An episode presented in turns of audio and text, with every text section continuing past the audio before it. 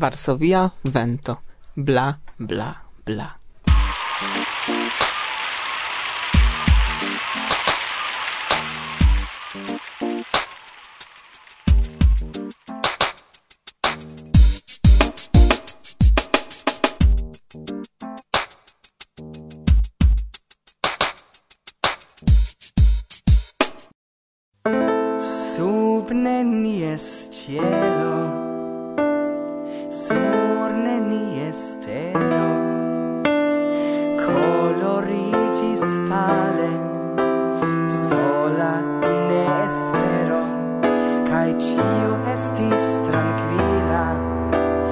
crescis sen heima credo Isoi promesitai Malbesonai vortoi Flustroi ne flustritai Ca ciu restos tranquilla Tamen tutte surprise Iam vi alvenis cun sunari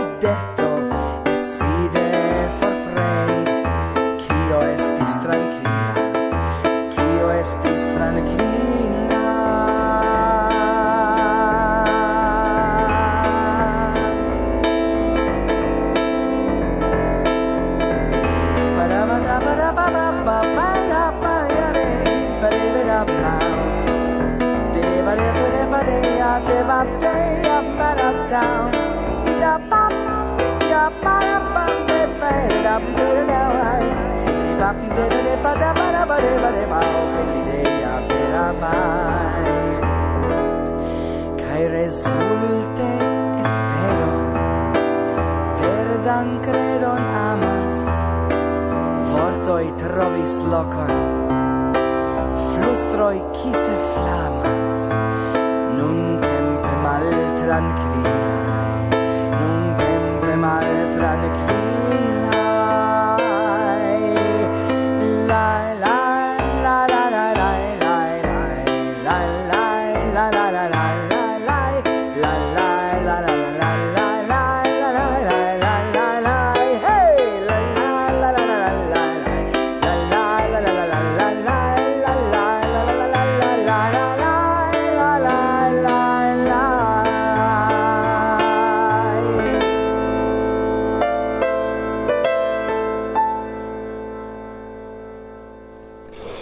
versaine sufiĉe rekonebla jen voĉo ĉu la lailamo de la movado esperatista entute fresha sendita rekte el registrejo pezzo. Nenie ancora presentita?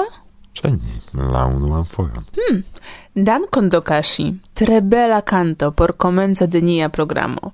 Ne nur muzike. Dankon, dankon. Yes, uh, dankon.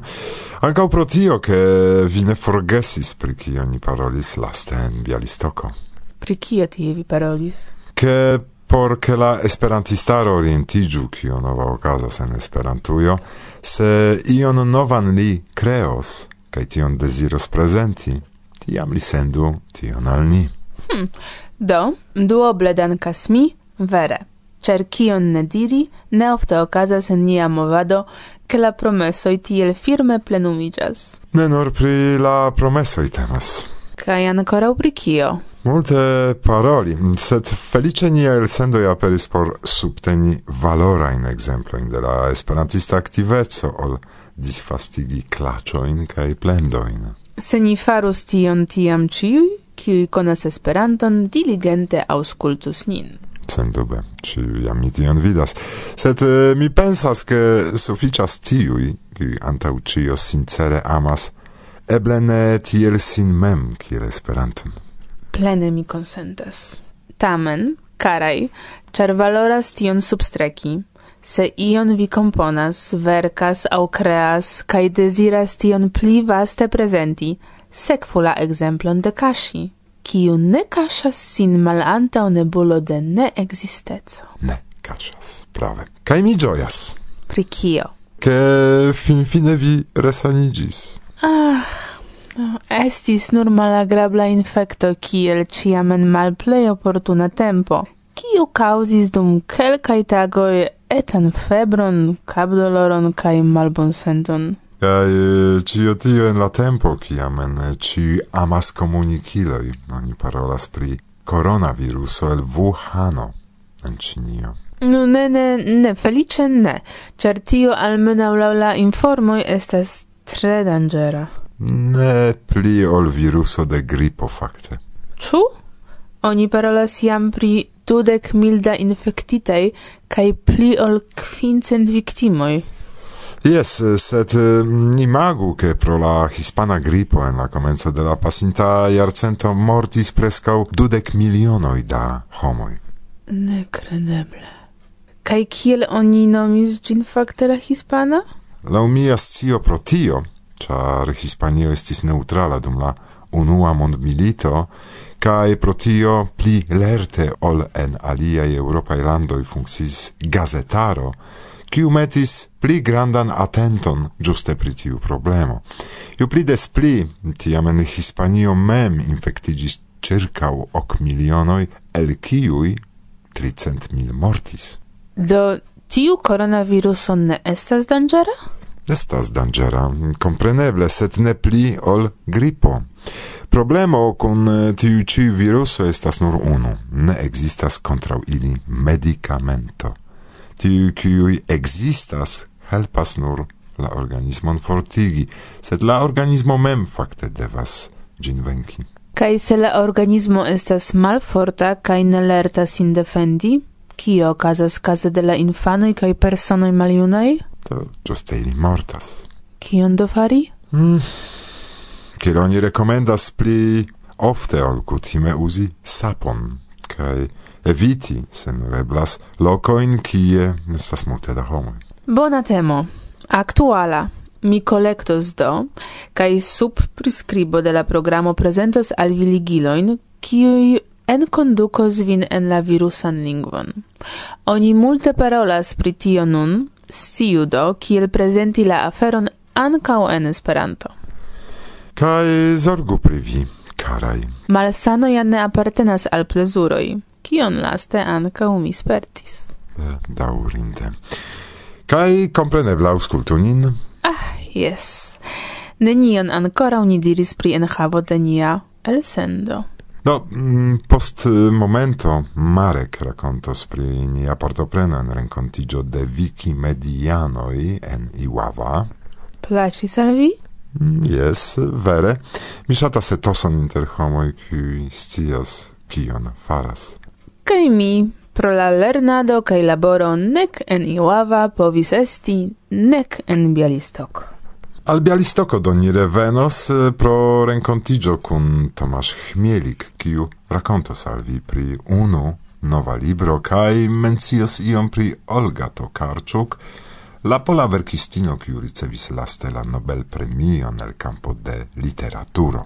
Sekve Kasia Ho parolos kun Ida Stria, pri la finna kaj sveda lingvaj rilatoj?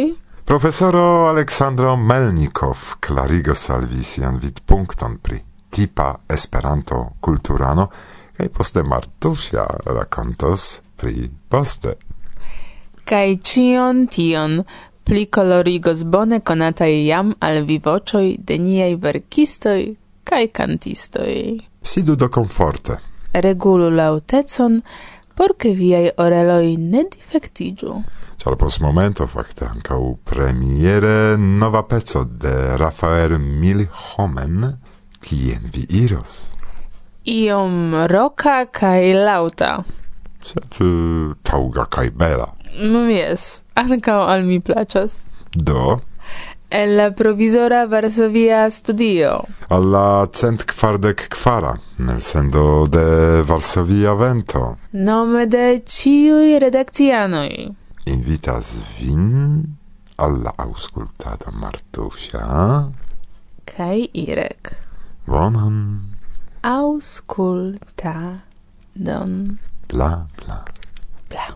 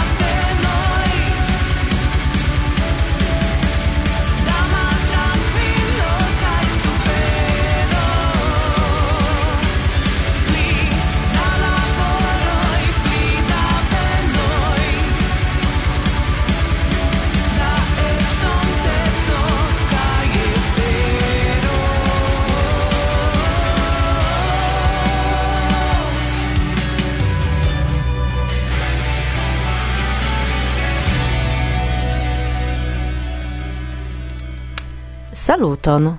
Vi scias kiu mi estas.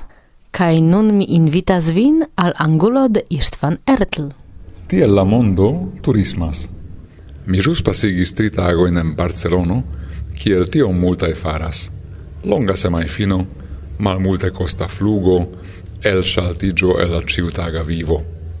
Miloj kaj miloj ferietas en tiu maniero, Barcelone aŭ ali urbe, el serĉas por si la plej favoran flugoferton, presca ne gravas al kiu urbo, trovas netrokostan loĝadon per Airbnb kaj ekiras al la historia urbocentro armite de siaj telefonoj kun adekvataj apoj, poste li vicas horojn por eniri museon, de tia speco pri kiu en sia hejmurbo ili tutte ne interesiĝus.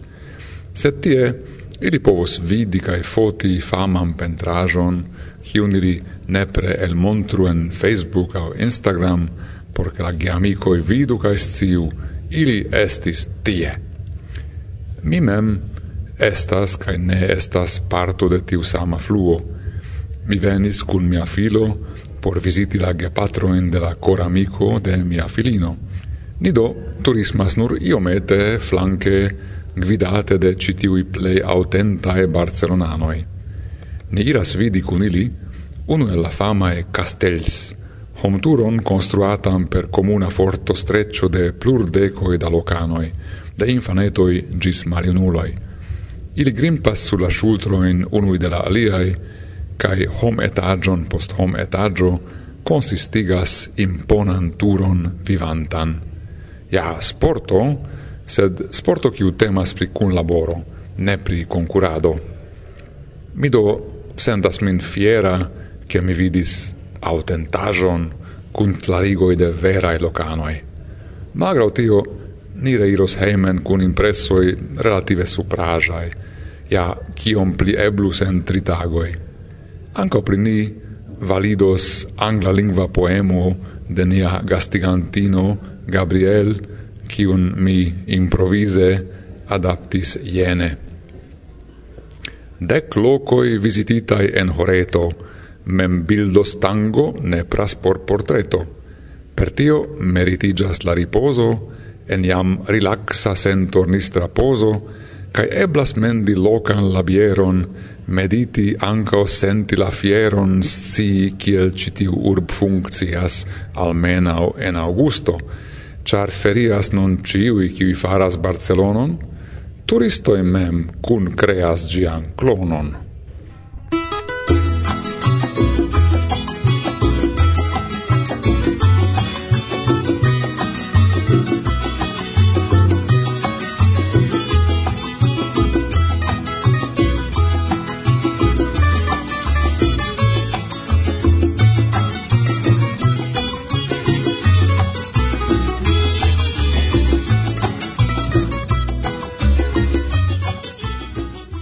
Varsovia vento bla bla bla.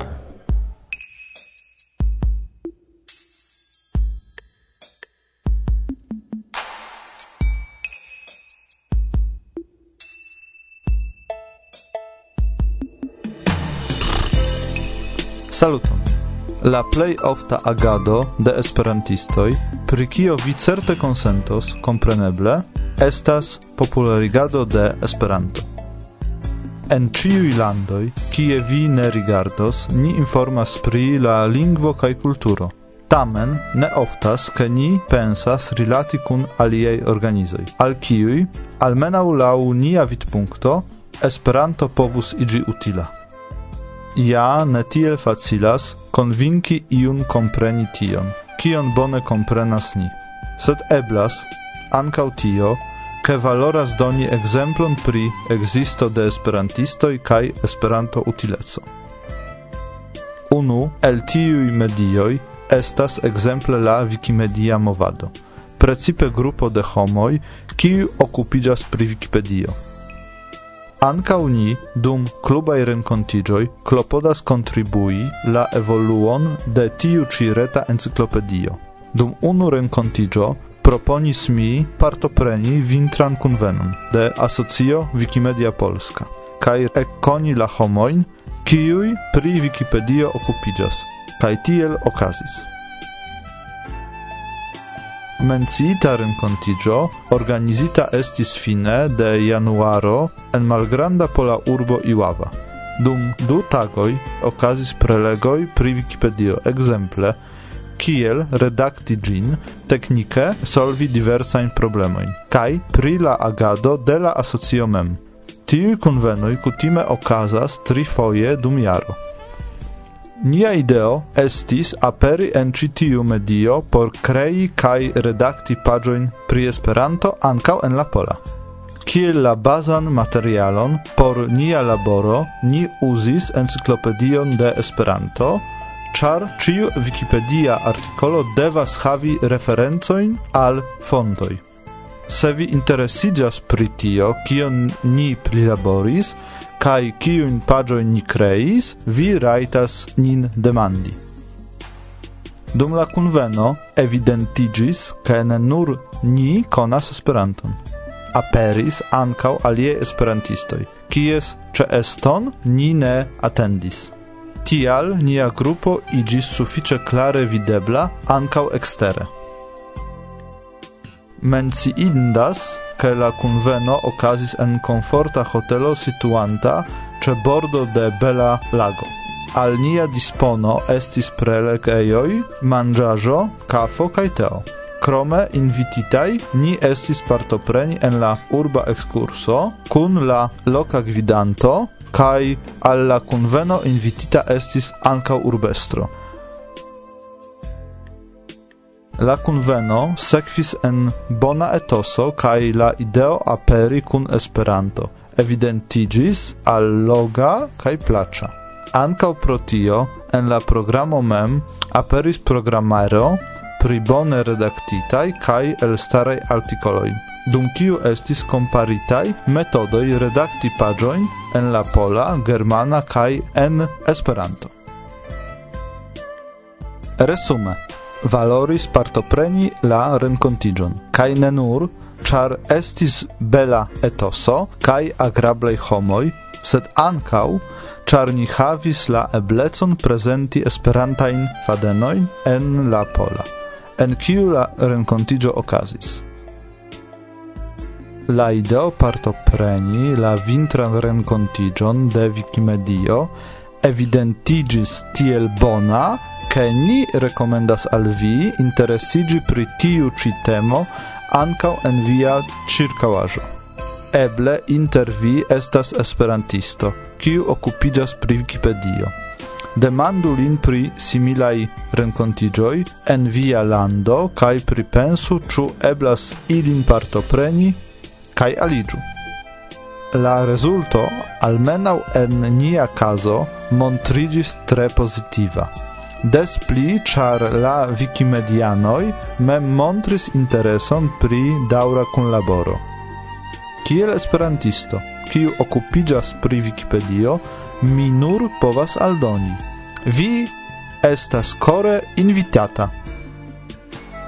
Ĉe la okazo mi deziras danki al organizantoj, speciale al Natalia, kiu multe klopodis, ke la renkontigio okazu sukcesa.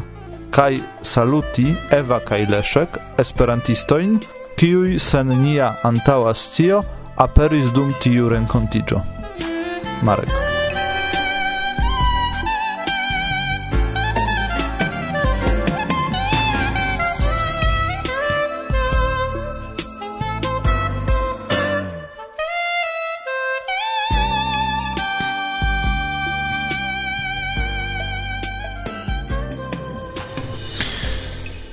Antał mikrofono de Varsovia vento. Tomasz Chmielik. Ĉirkaŭ ni estas libroj ĉie kaj Une la libroj mi prenis Adiau Krakovo.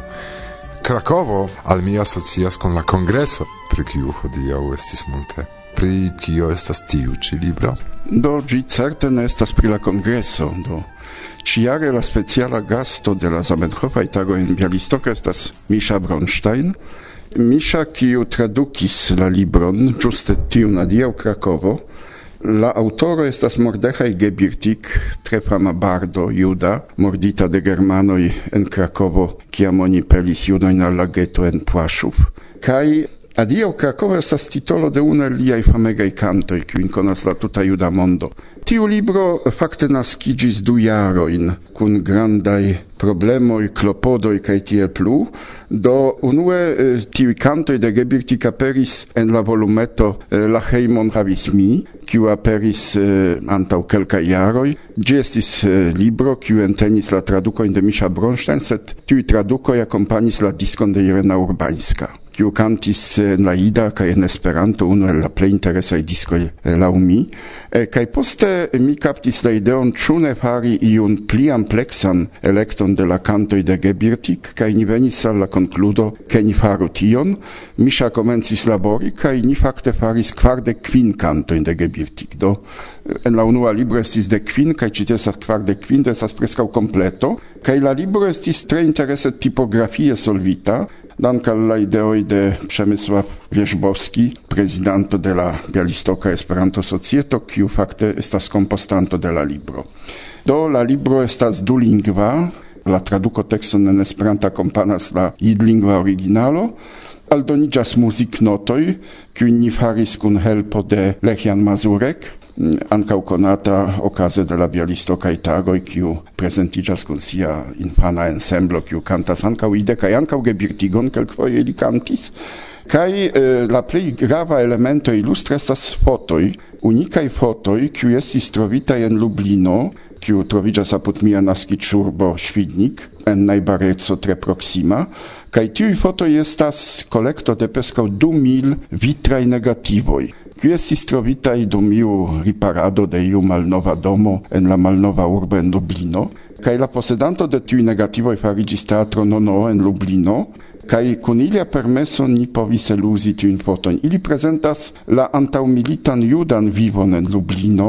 Sur la fotoj aperas eh, tutaj familioj, malgrandaj infanoj, eh, religiaj judoj, scenoj el la juda tombejo. Eh, kaj kio estas interesa, kiam oni rigardas tiujn fotojn, kiu estas ege unikaj, ke tiuj homoj havas terure malgajajn vizaĝojn. Do ili ankoraŭ ne scias, kio okazos pri ili post kelkaj jaroj, sed ni rigardante post tiom da jaroj, post la dua mondmilito, post la preigo de la tuta juda popolo, ni scias, kio okazis. Sed tiu tristo, tiu malgajo, kiu estas sur iliaj vizaĝo, eble estas antaŭanonco de tio, kion ili sentis, ke tio okazo. Reklamo.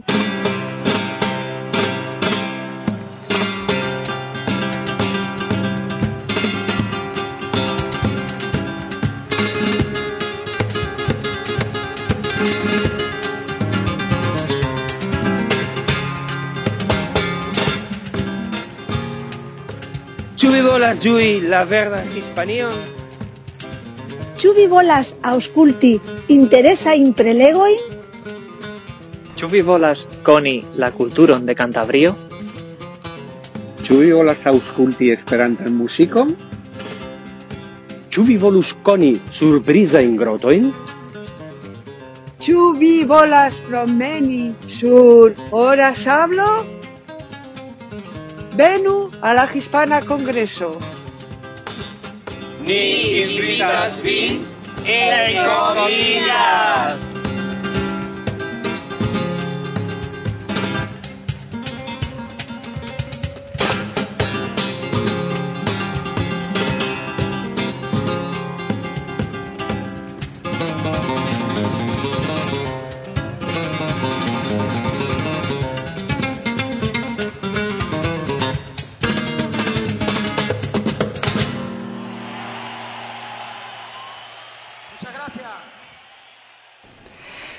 Varsovia vento bla bla bla.